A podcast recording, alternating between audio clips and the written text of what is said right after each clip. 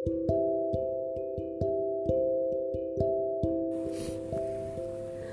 Januari bertemunya.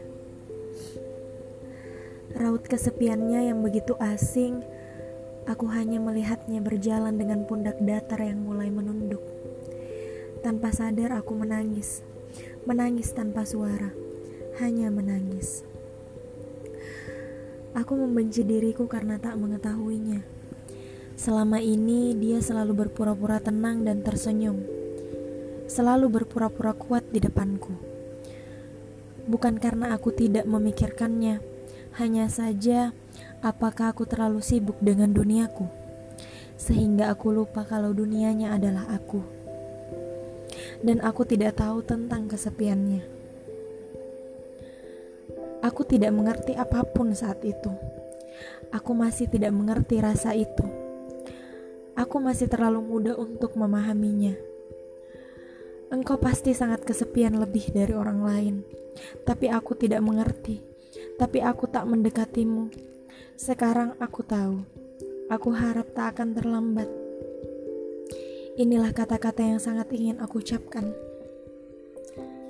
Terima kasih untukmu, wahai ayahku. Setelah memperhatikannya cukup lama, dan aku mulai mengerti. Aku berlari dan hanya memelukmu Aku menangis keras hanya tangis yang mengungkapkan kebodohanku dan rasa terima kasihku untuk semua yang telah engkau lalui untukku. Kuharap ini belum terlambat. Setelah melihatku, engkau berpura-pura tersenyum. Setelah menghembuskan nafas yang dalam, engkau tidak menangis dan bahkan menenangkanku.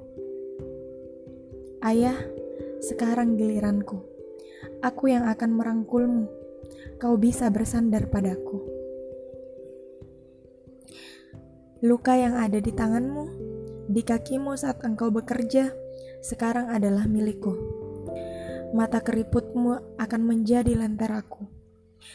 Senyummu adalah kebahagiaan terbesarku.